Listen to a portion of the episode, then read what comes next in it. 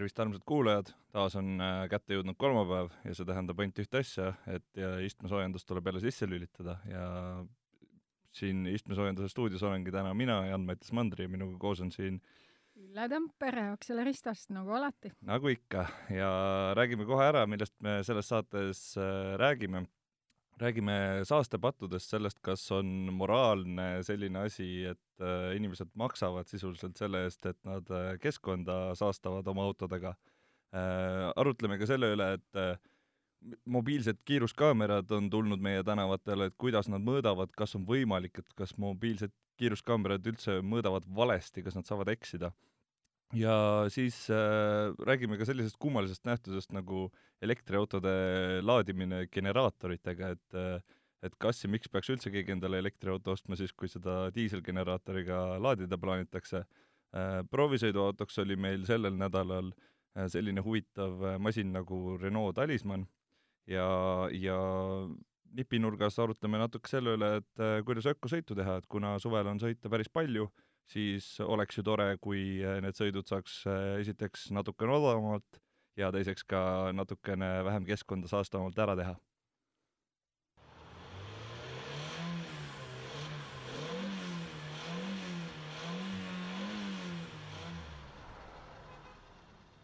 nii, saastepatud. Ülle, see on äh, puhas sinu teema, et jaa, et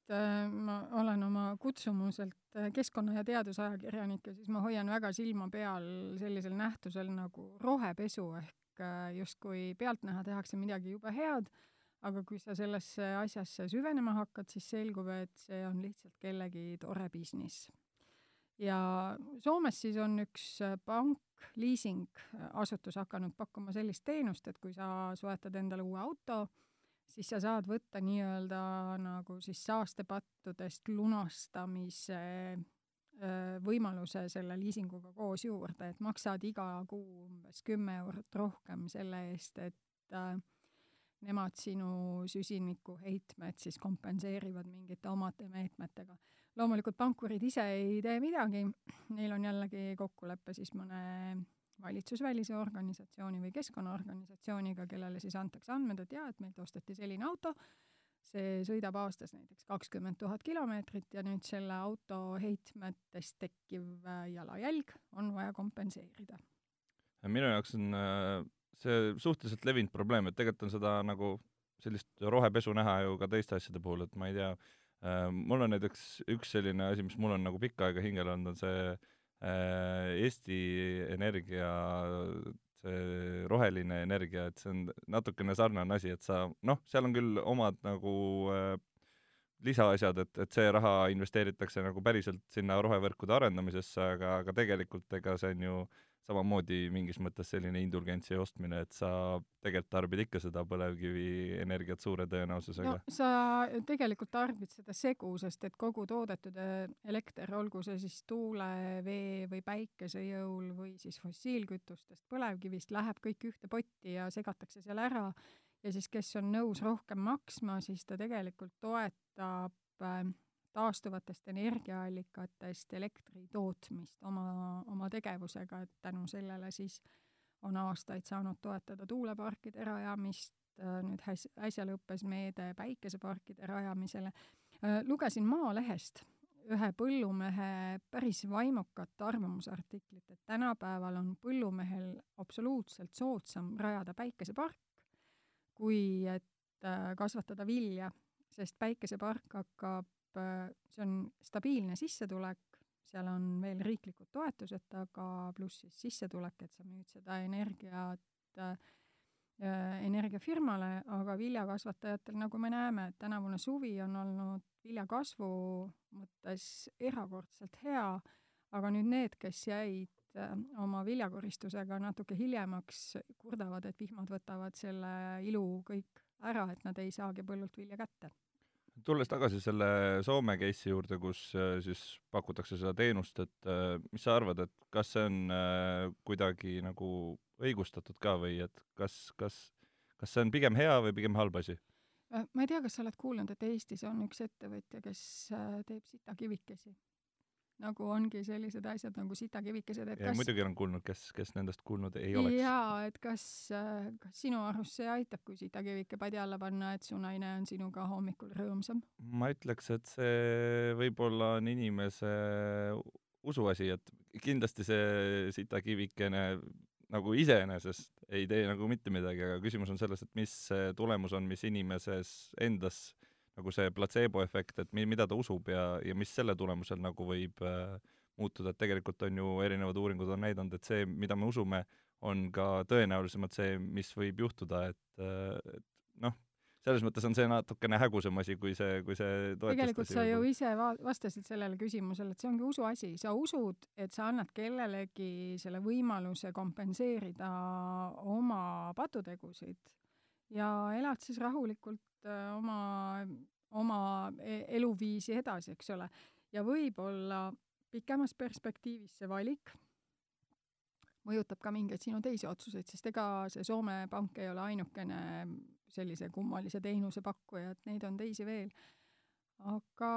jah, noh, pikemas perspektiivis ka roheline energia on, on ilmselt ikkagi inimesi mõjutanud, et see on üks valik, et sa saad nii-öelda toetada mingisugust positiivset asja.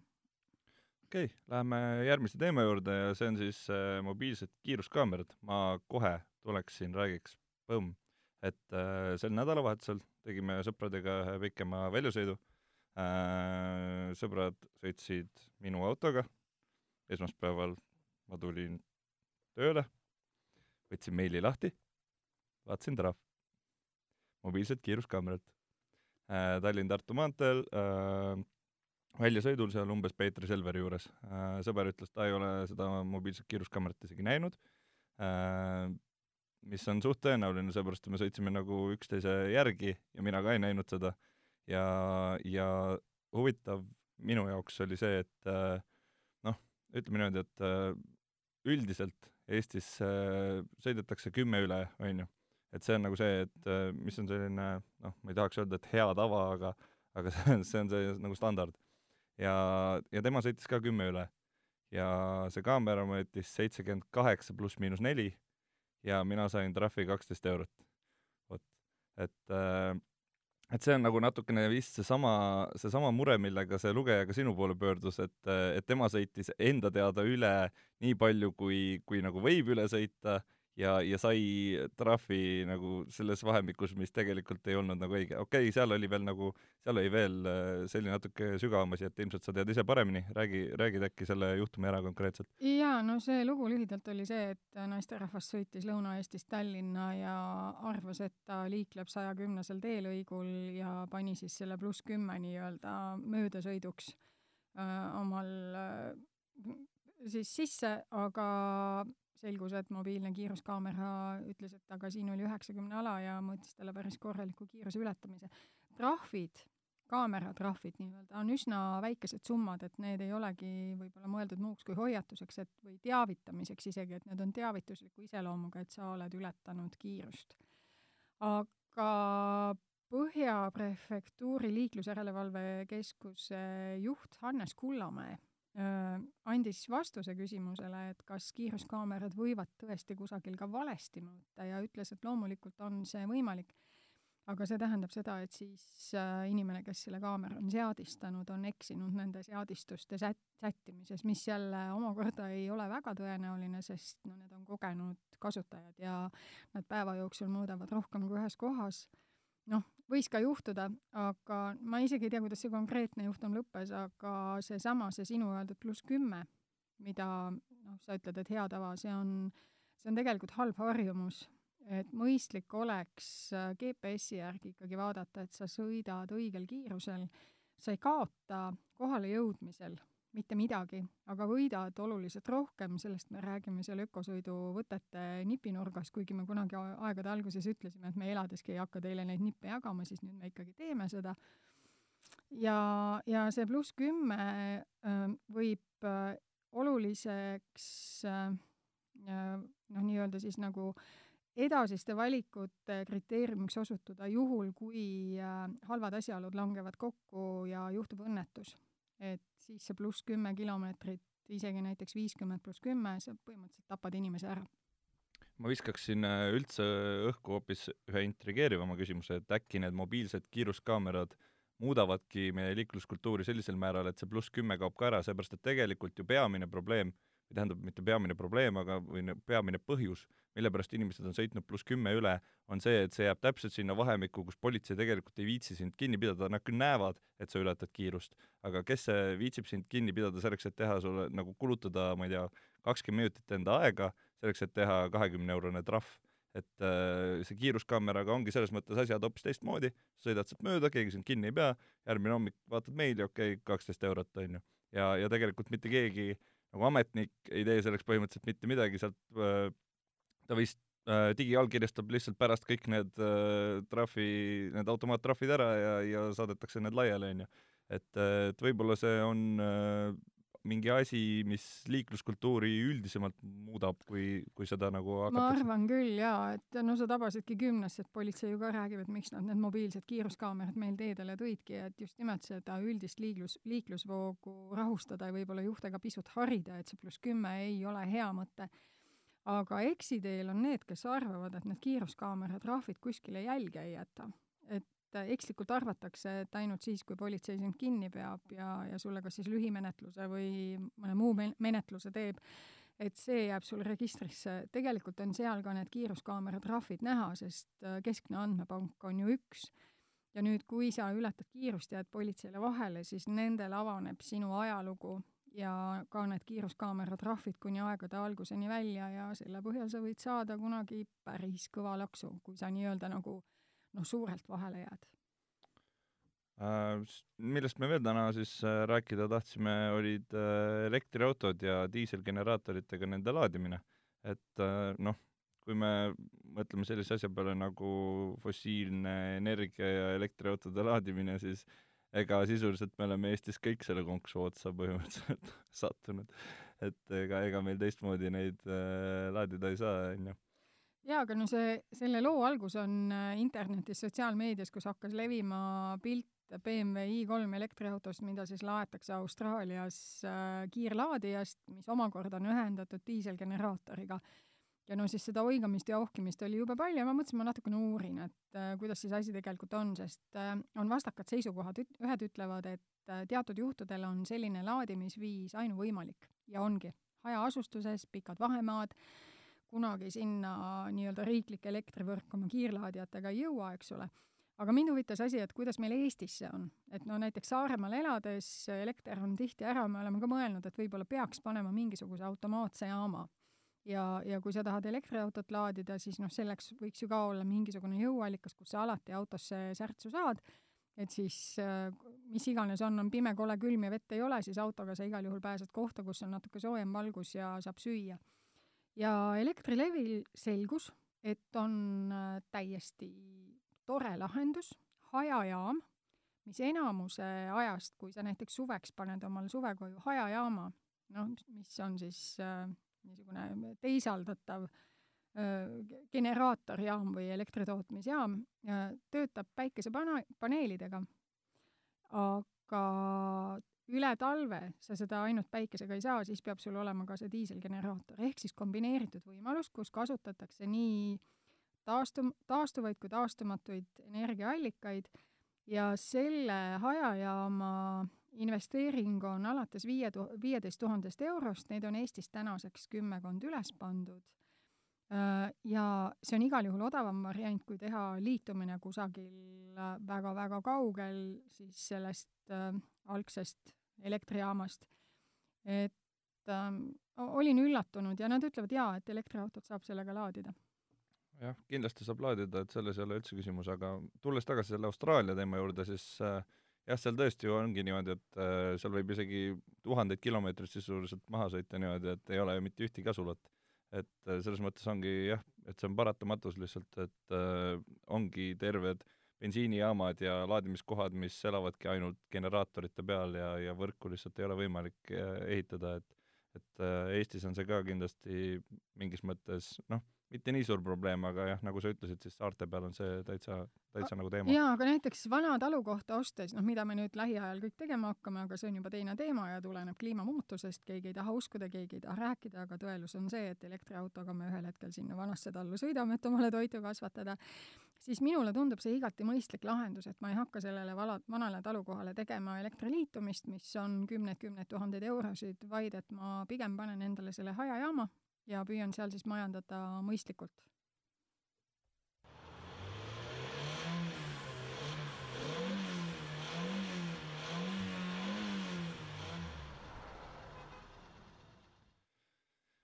meie seekordne proovisõiduauto, Renault Talisman, Ülle, selgita, miks me üldse Renault Talismaniga sõitsime, kuigi see on ju tegelikult juba mõnda aega meie tänavatel vuranud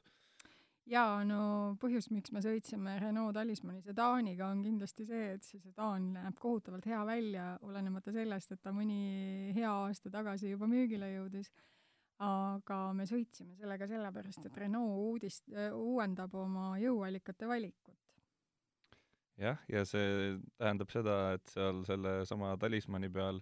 oli äh, selline mõnus mootor, mis äh, andis välja sada kuuskümmend viis kilovatti, kui ma õigesti mäletan. et äh, noh, ütleme nii, et äh, sai sõita küll, aga mis puudutab Talismani ja seda mootorit, siis tegelikult äh, minu arust natukene seda kogemust häiris äh, turbokiirus et see turbo, turbolääg nii-öelda, et sa vajutad pedaali, siis toimub mingi poolteist sekundit seal midagi ja, ja siis tuleb alles jõud, et noh, üldine sõidukogemus minul natukene oli sellest äh, häiritud. me peame jälle siinkohal meenutama, et Jan sõidab nagu noormees ja mina sõidan nagu soliidses eas daam, et minule ei jäänud sellest turboläägist küll mingit märki, et ma olin kohutavalt õnnelik, sest auto tegi möödasõite väga särtsakalt ja kogu selle auto olemus on olla soliidne maanteelaev, me käisime sellega nädalapäevad Saaremaal sõitmas äh, ka täiesti sügavatel metsateedel, kus hätta me ei jäänud ja triikis ta ära kõik augud. Ja no lisaks on see auto muidugi super ruumikas ja mul lihtsalt on kahju, et äh, seda meie tänavatel nii vähe näeb, et ütleme, ta võiks olla ettevõtte esindusauto või siis keskastme juhi äh, tööauto täiesti vabalt? no sellega ma kahjuks või õnneks äh, ei saa nõustuda. Või noh, tegelikult või võib-olla ikka saan ka, aga, aga minu arust on äh, selles esinduses on just see prestiiži küsimus, et äh, kui, kui võtta, võtta Prantsuse auto ja Eestis siis noh, enamik inimestel on ikka, ah, et Prantsuse auto jälle, onju. aga äh, sellega ma saan ainult nõustuda, mis sa ütlesid, et äh, mugav, Renault supermugav auto, tõesti, et see, täpselt seesama aukude sirgeks äh, sõitmise asi on, et kui sa, kui sa Tallinna tänavatel sõidad, siis äh, tagumik jääb ikka valusaks, et eri, eriti kui sõita suure väljega, jäiga vedrustusega, et mitte mingit probleemi ei olnud sellega nii on, no me käime nagu kasside ümber palava pudru, et kuulajad tahavad teada, et mis mootor see uus ikkagi oli, et äh, kas sa jätsid meelde? no see oli ühe koma kaheksane äh, bensiinimootor ja nagu sa mulle juba enne sõitu välja reklaamisid, siis äh, see oli sama, mis on Megane RS-il, onju. et noh, teoorias peaks olema seda edasiminekut küll, aga kui me nüüd mõtleme Megane RS-i ja, ja selle talismani kaaluerinevuste peale, siis ma arvan, et sealt, sealt võib-olla tuleb see erinevus natukene sisse. no ja neil on olemuslik erinevus ka, mis sa kütusekuluks said ma arvan, et see jäi umbes seitse koma kuus. Okei okay,, no minul no see oli hästi palju maanteesõitu, et linnas ei olnud nagu sisuliselt mitte midagi. no minul kõik kokku kombineeritud oli seitse, aga nagu eelnevalt öeldudki, et siis meie sõidustiilid on pisut erinevad. no ma sõitsin valdav, valdav osa tegelikult püsikiiruse hoidikuga,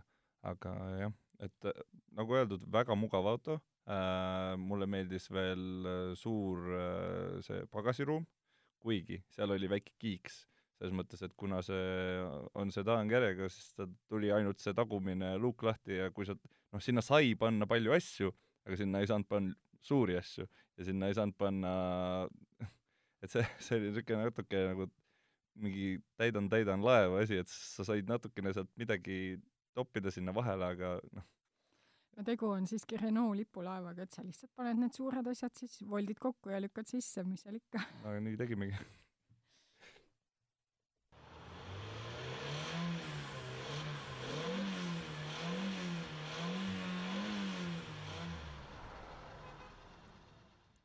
ökosõit, et äh, sel nädalavahetusel sai seda kõvasti harjutatud. miks? noh,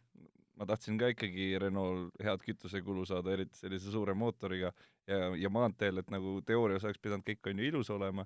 ja, ja noh, sain ikka sinna seitse koma seitse kuhugi sinna vahele. mul ei jäänud ka palju alla, nii et selles mõttes kõik on hästi, et suur auto ja, ja esinduslik auto, et äh, ma ei näe sellel seitsmel küll mingit probleemi